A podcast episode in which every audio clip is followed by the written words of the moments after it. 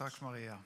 Ja, det er, jeg må jo nesten betraktes som en dårlig nyhet da, at Anders ikke er her. og At dere må ta til takke med meg i dag. og vi var innom. Men, men, eh, det som kan være den gode nyheten, det er at du får Guds ord. Eh, og du får det i dobbel porsjon, for du får både noe her og så får du noe til podkasten etterpå. Vi er jo i Johannes' åpenbaring og skulle avslutte det i dag, eller eh, liksom ta siste delen. Det har vært interessant. Og for de som var til stede her, Det var mange til stede her på tirsdag på en, en bibelkveld vi hadde. og Det var veldig interessant og spennende. Men følg avslutningen på podkast. Det var en stund snakk Anders foreslo kanskje du bare taler min tale. Jeg sender over manuset. Og så taler du min tale. Og vi var innom at vi skulle kanskje prøve det, men akkurat Johannes' åpenbaring er litt sånn avansert å bare kopiere noen andre sitt manus. Jeg, jeg, har valgt å gå i en litt annen retning og ta et litt annet budskap. Så i dag så, Det kommer opp et skjermbilde. Jeg har ikke rekt å lage noe powerpoint, eller noen ting, men et skjermbilde som eh, er rett og slett sånn som dette. Njål. Eh, der leser dere at det er på engelsk, så det får dere bare bære over med meg. I dag så er min overskrift det er 'sesonger, setbacks og comebacks'. Og Da skjønner du at jeg har blanda norsk og engelsk. Og de som eh, ikke takler det, så er det rett og slett bare for at det klinger litt bedre på engelsk enn det gjør på norsk. Så, så enkelt er det. Og så har jeg tenkt å bruke mange bibelreferanser og sitere, men jeg skal ta utgangspunkt i et skriftavsnitt som er veldig kjent. Kanskje det mest kjente utenom Johannes 3, 16. Og Det er henta fra Salmenes bok, og det er Salme 23. Den er det mange som har hørt, mange som kan. Til og med sikkert noen som har sitert en nydelig salme. Salmene var jo det som prester i gammel tid brukte hyppigst når de gjorde tjeneste i tempelet. Fordi at salmene den tar på en måte pulsen på livet. Den er sann og ærlig og direkte om livet. Derfor er det veldig mange som kjenner seg igjen i noe av det som kommer fram i salmene. Og Salme 23 den starter jo med å si 'Herren er min hyrde'. Jeg mangler ingenting. Han lar meg ligge i grønne enger og fører meg til vann der jeg finner hvile. Han gir meg ny kraft. Og så leder han meg på de rette stier for sitt navns skyld. Selv om jeg skulle gå gjennom dødsskyggens dal, eller mørkets dal, som det også står, så frykter jeg ikke for noe vondt, for du er med meg. Din kjøtt og din strav, den trøster meg. Og du dekker bord for meg like foran mine fiender. Bare godhet og miskunnhet skal etterjage meg alle mine livsdager, og jeg skal få bo i Herrens hus gjennom lange tider. Sesonger, folkens, som punkt nummer én, det er noe av det sikreste med livet. Sesonger er noe av det sikreste med årshjula. Du kan garantere at våren kommer. Sommeren er i anmarsj. Høsten kommer til å komme, og vinteren den ligger og lurer. Sesonger kommer uansett om vi vil eller ikke. Vi kan prøve å overse det, vi kan prøve å ignorere det. Kona mi er jo viden kjent for å være ei av de som eh, prøver å fornekte vinteren. Så når sola titter fram, så går hun ut i bikinien for å sole seg på terrassen med ullteppe og dyne og alt rundt seg. For hun prøver å fornekte at det fins vinter. Nå er det sol og sommer, og uansett om ikke årstida sier det, så forteller hennes indre klokke at nå skal det være sommer. Noen hater vinter, kanskje fordrar det. Og noen eh, syns at vinter er helt fint. Vel, sesonger det er brennsikkert. Og vi trenger nesten ikke overanalysere at de kommer. De bare kommer. På samme måte så tror jeg faktisk at vi ikke alltid må overanalysere de sesongene vi møter i livet. Fordi at det er det som er selve livet. Livet handler om glede og skuffelser. Livet handler om seire og nederlag. Det handler om hindringer og gjennombrudd. Det handler om problemer, og det handler om løsninger. Det er livet. Dessverre så er det ikke rettferdig porsjonert. Noen opplever fryktelig mange og lange vintre. Noen har mer solskinnsdager. Men felles for oss alle er jo at vi møter livet, og vi møter sesonger. Det er det som er livet. Og det er jo det Salme 23 sier. Den sier at folkens, dere kommer til å møte sesonger. David som skriver dette, han sier det fins en sesong av gode dager. Late dager. Senke skuldre. Senke tempo. Grønne enger. Blå solstoler, om du vil. Eller Kvikk Lunsj, appelsin og gode, nydelige skispor. Gode dager det er noe Gud unner oss, forteller Salme 23. Og de gode dagene, de kommer. Og de fins. Skulle gjerne ha stoppet der, men jeg går videre og sier at det fins dager av veivalg. Han leder meg på de rette stier for sitt navns skyld, og jeg kommer til å stå foran veivalg. Det er dager der det ikke er lett å ta veivalg, små og store valg. Noen ganger tar vi rette valg, noen ganger dumme valg. Valg som har konsekvenser for oss. Valg og tider av valg det er del av sesongen av livet.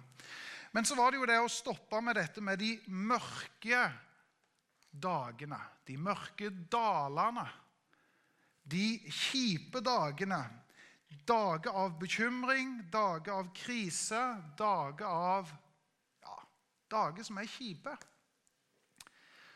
Og Det er jo greit å legge merke til her at Bibelen sier tydelig at disse dager kommer til å nå oss. Og Det beskrives til og med at det er som fiender. Og så står det at Gud skal dekke bord for oss like foran våre fiender. Og våre fiender, Hvis du skulle overføre dette i bildespråk, så er jo de fiendene mangfoldige. Det kan være helsemessige utfordringer, diagnoser du ikke hadde sett for deg. Tenkte aldri skulle ramme deg. Det kan være økonomiske utfordringer, miste jobb. Jeg sa en gang at regningene strekker ikke til, og det blir jo feil. fordi det blir jo at inntektene ikke strekker til.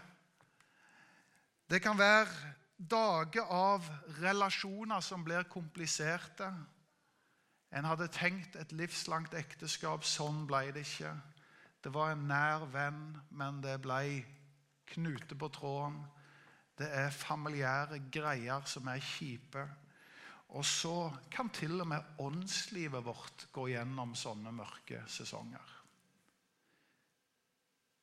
Ørken er jo et begrep i Bibelen som går igjen, og mange har opplevd åndelige ørkener i livet sitt. Og så prøver jeg å normalisere det litt og si folkens, sånn er livet. Og Bibelen tar oss inn og sier at sånn er livet.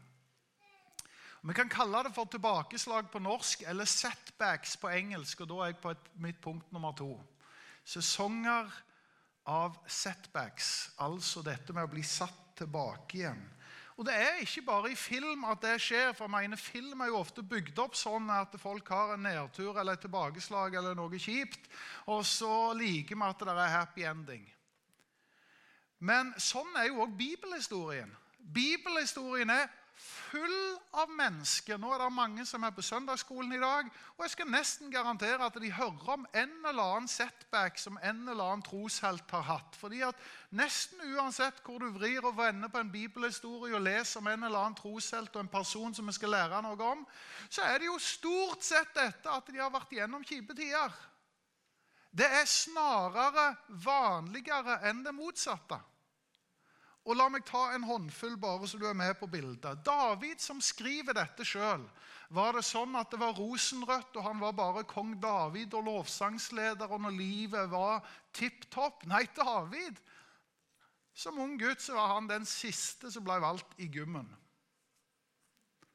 Når alle andre var valgt, så sto han igjen. Hvordan kan jeg si noe sånt? Jo, fordi at når det skulle finnes en kar der som skulle eh, så, var det Må jeg huske riktig her Var det eh, Samuel som eh, var på jakt og, og, skulle finne Og så gikk han til faren.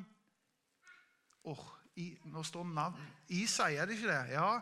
Og Så skulle de gå gjennom denne brødrerekka, og så tok de jo for seg den ene etter den andre. Og så sier Isai jeg har ingen flere. Er du sikker på det? Jeg føler det må være et eller annet til. Har du ikke en eller annen sønn på bakrommet som er vekkgjemt, og som, som ingen, ingen, liksom tenker duger? Jeg har jo en sønn til, ja. David. La oss plukke fram han ifra skuffa vår og se om ikke han kan være så holder han fram David. Og det å føles som å være liksom den som er oversett, og som ikke er betydningsfull, og som ikke strekker til. Men så sier Gud noe om at 'jeg ser potensial i denne gutten her'. Men David hadde ikke bare rosenrødt etter det. Han var utro. Han dumma det skikkelig til. Seksuelt sidesprang. Ikke bare det. Initierte drap på mannen til denne dama og herrene. Altså, David gjorde de frykteligste tinga. Hadde David sine setbacks? Absolutt. Jobb. Ei hel bok om jobb. En interessant historie om en kar som hadde alt. All verdens rikdom, kone, ti unger. Det høres helt sykt ut, spør du meg. Men livet var på stell. Eiendom, velstand Tippers, toppers, tommel opp, livet er godt. Men jobb på én dag mista alt. Ungene, eiendommen, rikdommen. Kona vendte ryggen. Forferdelige hudsykdom slo inn. Jobb opplevde oppturene, men definitivt òg nedturene. Vi kan ta det, og, altså for Det trenger ikke være så ekstremt. La oss gjøre det enda mer alminnelig. Andreas og Peter, Jakob og Johannes Felles var at de var fiskere. Hadde sin egen liten fiskebedrift. Hva skjer? De er ute og prøver å sanke inn fisk. Det handler om levegrunnlaget, det handler om mat på bordet. Fikk ikke én fisk. Helt helt tomt i havet, om du vil. Det kan jo høres litt sånn Være ute på en kjip fisketur. Hvem har ikke vært det? Jeg har fiska en gang. Jeg, jeg, kan fortelle om min fiskekarriere. by the way.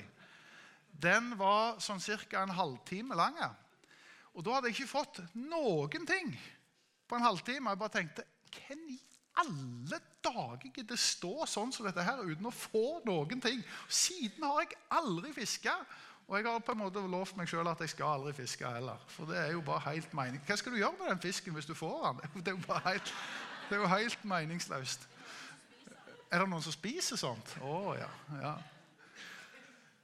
Så det kan jo høres bare ut som en kjip fisketur, men for Peter, Jakob Johannes osv. Så, videre, så var dette levegrunnlaget. Det var som å si konkurs. Det var som å si ingen penger på konto. Det var som å si vi har ikke mat på bordet. Så selv i de helt hverdagslige tingene så kan vi oppleve nedturer. Jeg tenker på Peter, som jo går for å være en trostelt, og som vi lett holder fram som en som virkelig hadde suksess. Men det var karen som fornekta Jesus tre ganger. Du kjenner historien. Det var mer enn en litt sånn sa noe litt dumt. Altså Det var livets nederlag å vende ryggen til Jesus Kristus, som han hadde satsa livet sitt på. Jeg tenker på Paulus, som er i apostelgjerningene 27, forteller som en historie at han er på dette fangenskipet og skal til Rom. og Endelig skal han få komme til keiseren og innanke sin sak. og Så er det sånn at de er på reise. og så skjer det det at eh, det blåser opp til uvær. Og han hadde fått det for seg. Herren hadde talt til han, så han ga klare råd og beskjeder til offiseren og til kapteinen og sa ikke legg ut på denne. Det kommer til å føre til tap av både materielle ting og av menneskeliv. Men offiseren sa jeg tror mer på kapteinen og jeg tror mer på eieren av skuta, så de la ut på tross av i uværet, og båten forliste. Materielle ting gikk tapt. Menneskeliv osv. Det er ikke alt. Hvis jeg skal oppsummere for det, Nå bare tar jeg en masse eksempler. Du kunne tatt eksempel etter eksempel. Poenget er det at hvis du oppsummerer historien, så ser du at det er ikke alltid et, et likt mønster. Det er ikke bare våre dumme valg som fører oss inn i kjipe sesonger. Av og til er det andre sin feil. Av og til er det ulykke. Av og til er det tilfeldigheter. Av og til er det våre egne dumme valg. Vår synd. Altså utallige årsaker så kan vi havne i kjipe sesonger i livet. Venner. 1. Peter 4,12. Venner.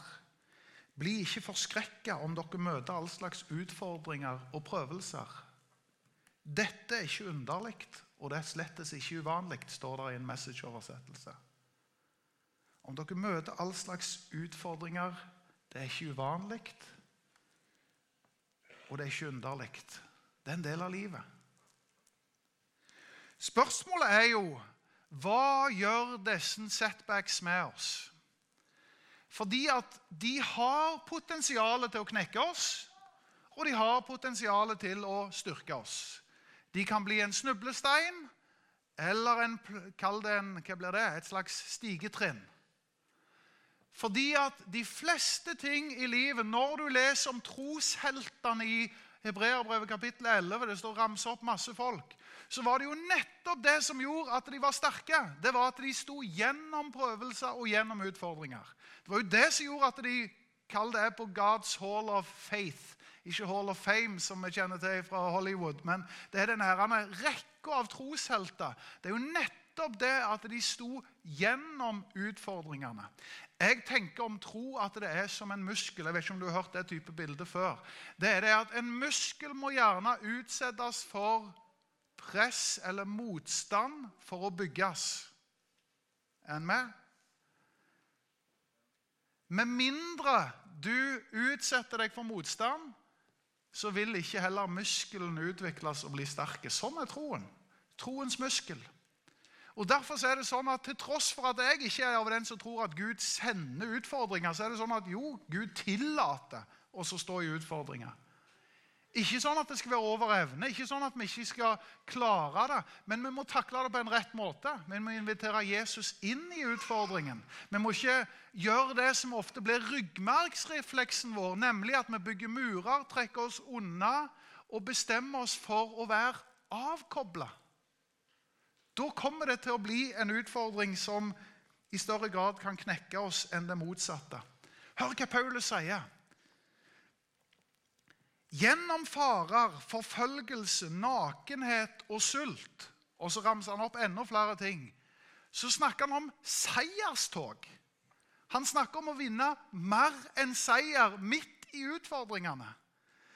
Vi hadde en bibelkveld her på tirsdag, som jeg sa. og Henning satt her og svarte på spørsmål. og Det var om Johannes' åpenbaring, endetid osv. Selv om han ikke utdypte det, så merka jeg at han sa den ene tingen som jeg har hørt han si før. At det er kanskje ingen gang troen min har vokst så mye som gjennom de tøffeste sesongene i livet. Det går an å takle tøffe sesonger på en måte som gjør at du snubler og ikke reiser deg.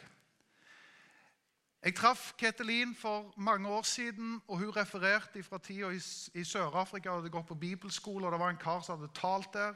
Og Jeg har ikke hørt talen, og jeg kjenner ikke til sånn sett, men den setningen har bare festa seg. Så selv om det er liksom 25 år etterpå, så sitter den ennå.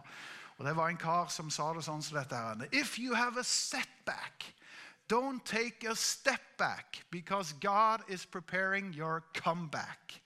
Nydelig. Det er jo en amerikaner som sier sånn noe, vet du. Det, det hører du jo. Men det er jo, men det er jo Bibelen òg. Fordi at setbacks, det har vi.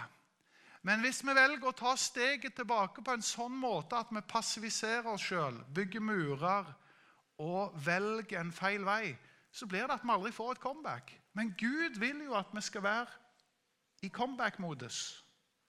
Gud gir oss muligheter til å steppe inn i kall det comeback. Dette kan være relevant på så mange nivå. Jeg tenker f.eks.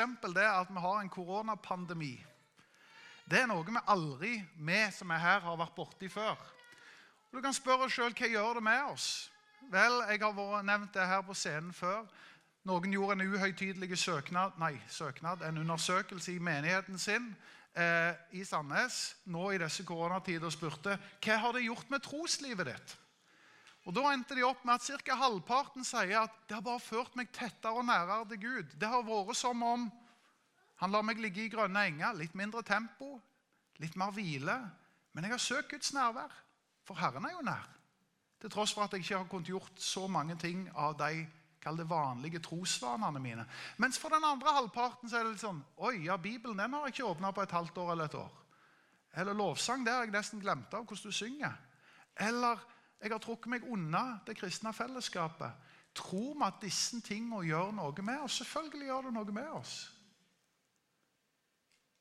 Trosvaner kan bygges, og de kan på en måte ødelegge for oss. Jeg gikk forbi et treningssenter der det sto at uh, det tar bare fem uker å komme inn i en, god, nei, tro, komme inn i en god vane. Så da var jo oppfordringen 'begynn å trene'. liksom. Og Da var det en som sa til meg 'jeg har aldri prøvd å trene så lenge', så det vet jeg ingenting om. Men eh, eh, Jeg skal ikke si at han sitter her i rommet, jeg skal ikke si at han sitter langt bak her heller. men eh, Jeg skal ikke si navnet til han eller noen ting, men sånn er det.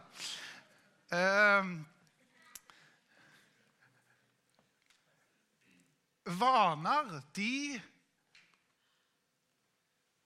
jeg har hørt det et, et sånt tall 21. Det var liksom en myte en stund. Du måtte gjøre ting i 21 dager. for at du Og så var det 66 vært et sånt tall som var i nyere tid. og Det er visst òg en myte. men det siste jeg så av en sånn undersøkelse, er at det finnes egentlig ingen entydig svar på dette med vaner. Det varierer fra 18 dager til 256 dager. Og jeg tenker liksom, Derfor skal jeg aldri spise frukt og grønt 18 dager på rad. For da kan det ende opp med at jeg, liksom, at jeg spiser det. Det kan jo skje. Sant? Så jeg prøver å holde meg litt sånn Passe på at det ikke tar overhånda.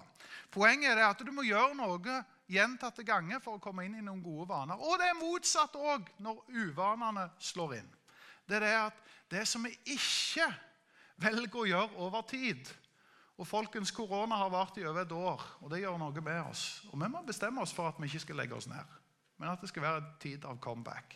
For Guds menighet, for det trosliv som måtte være i en ørken. Jeg tror vi må bestemme oss for at selv om vi har vært en slags periode av off-season, så det tid, må det være en tid av forberedelse. En, en, I idrettsverden er det jo sånn at når du er av sesongen, så er det jo ikke for at du ikke skal være forberedt deg til neste sesong. Du må jo forberede deg til neste sesong. Jeg mener Hvis du kommer tilbake igjen og har blitt 30 kg tyngre og er toppidrettsutøver, så sliter du litt når du skal starte. Så Du må bruke off-season til å forberede den nye sesongen. Og nå skal vi inn i en ny sesong, folkens. Så må vi bestemme oss hvordan det skal være. Og for framtida. Så jeg slår et slag for dette ordet 'comeback' og sier at det er veldig bibelsk. Disse som var i denne fiskebåten, Peter, Jakob, Johannes osv., de inviterte Jesus inn i situasjonen. På ditt ord, Jesus, så skal jeg kaste garnet på andre sida.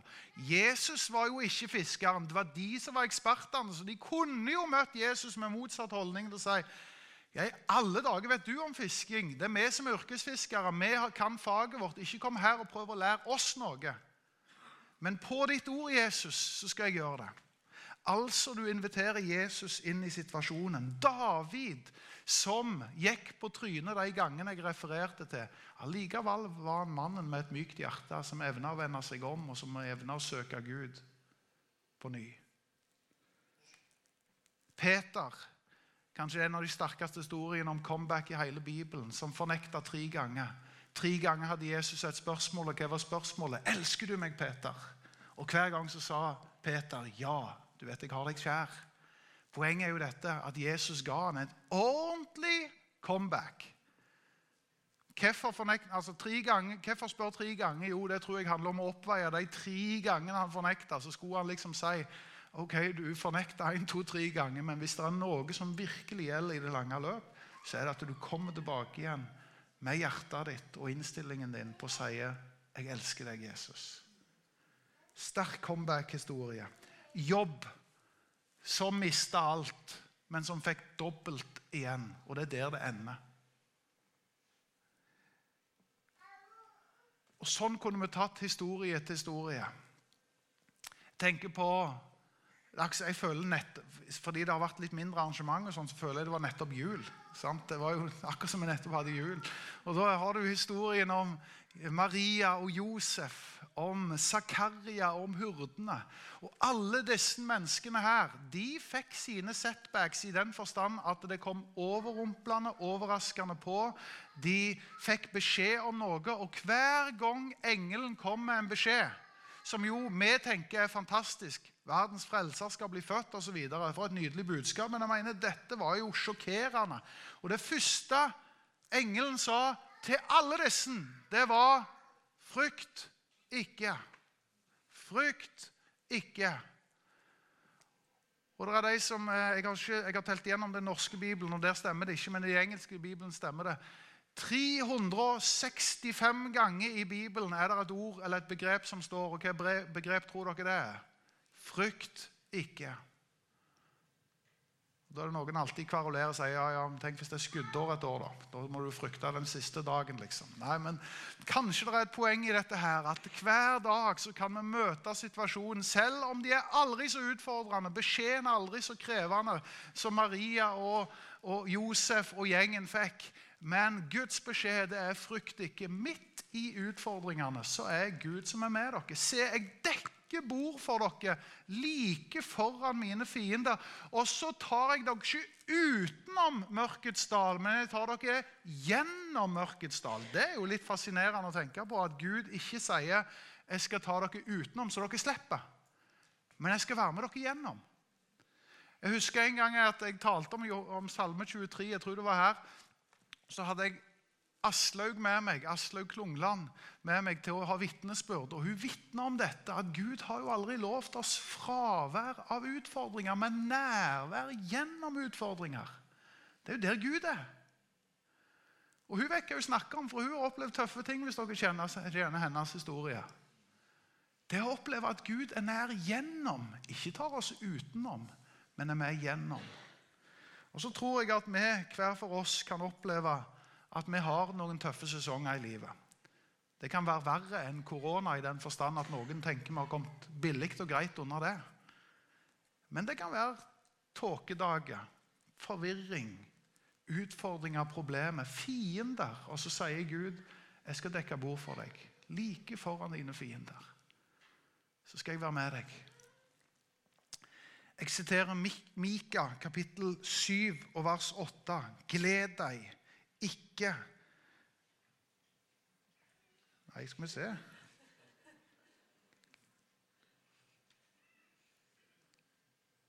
Nå leter jeg etter ordet her, for jeg har ikke skrevet godt nok i glede. Jo, gled deg ikke over meg, mine fiender. For om jeg faller, reiser jeg meg opp. Om jeg sitter i mørket, så er Herren mitt lys. Det er noe med den innstillingen at jo, jeg kan snuble, jeg kan falle, men jeg skal reise meg. Og Herren skal være mitt lys midt i det som er mørkt. Jesaja 40, 29. Han gir den trette kraft, og den som mangler krefter, gir han stor styrke. Gud er den som vil styrke oss gjennom utfordringer. Jeg tenker at denne salmen som vi har lest, Salme 23, den forteller kort og godt at Herren er min hyrde. Og jeg liker at Jesus er hyrden og ikke sauehunden. Sauehunden som er ute etter flokken for å glefse og bjeffe og gi beskjed og gi klare beskjed om at nå er du på avveie og få folk inn i leina opp. Jesus er ikke en glefsete sauehund han er en god hyrde. Som har omsorg for sine. Som vil lede, som vil bry seg, som vil ta vare på oss midt i de kjipe sesongene. Og jeg kaster opp her en siste ting til slutt som jeg tror er så viktig at vi griper. Det er at noen har sagt det sånn en halv, eller en, det, Et delt nederlag er et halvt nederlag. Et delt seier er en dobbel seier. Dette er en utfordring om å være sånne som ikke melder oss ut, bygger murer, velger å være passive når vi opplever livets tøffe sesonger, men som lener seg inn, og som sier jeg skal dele med andre troende. Jeg skal dele med fellesskapet, jeg skal lene meg inn i fellesskapet. Jeg skal dele fordi da blir det halvt, i den forstand at jeg har noen å dele det med. Både på godt og vondt. Når jeg deler seire, så blir de doble. Og Derfor så sier jeg la oss være et fellesskap og enkeltmenneske som bestemmer oss for å ikke godta en knekt nakke, knekt rygg, men reise oss opp og si at Gud er en Gud av comeback. Jeg husker når Anders og Elise gikk gjennom den tøffe tingen med Samuel som hadde svulst på hjernen. Veldig mange ville meldt seg ut, lent seg tilbake, blitt passive, tenkt at vi skal klare oss gjennom utfordringene sjøl. Men de lente seg inn og de sier at noe av styrken med å komme gjennom dette, det var en Gud som var nær, og et menighetsfellesskap som stilte opp. Derfor så ble det lettere å takle de krevende tidene. Og Dette tror jeg vi skal lære noe av. Det er at Gud vil ha gitt oss òg fellesskapet for å oppleve tider av comeback. Vi skal gå mot avslutning. Kanskje vi kan eh, få opp lovsangsteamet her til å være med og synge en sang. Og så vil jeg si at den sterkeste historien om comeback som fins i Bibelen, det er jo om Jesus Kristus sjøl, som fornedra seg sjøl og ble lydig til korsets død og Derfor så har Gud høyt opphøyet ham og gitt ham navnet over alle navn. Det er jo en sterk historie om et setback som er aldeles fortvila for alle rundt, men som Gud hadde planlagt et comeback og en seier som vi får lov å leve i i dag. Gud er en gud av comeback. Og Blir dere med inn i påsken, som jo kommer nå, så skal vi få høre mer om dette comebacket. Jesus Kristus som seira på korset, sto opp igjen fra de døde, som gjør at vi kan få lov å tro Gud. For at han er nær i dag, for at han bryr seg om oss nå. Og for at når vi leser Salme 23, så er det ikke bare fortid. Det er Gud nær i dag. Inn i vår situasjon og inn i vår tid. Så Skal vi reise oss opp i sammen og så være med å synge? Jeg har lyst til å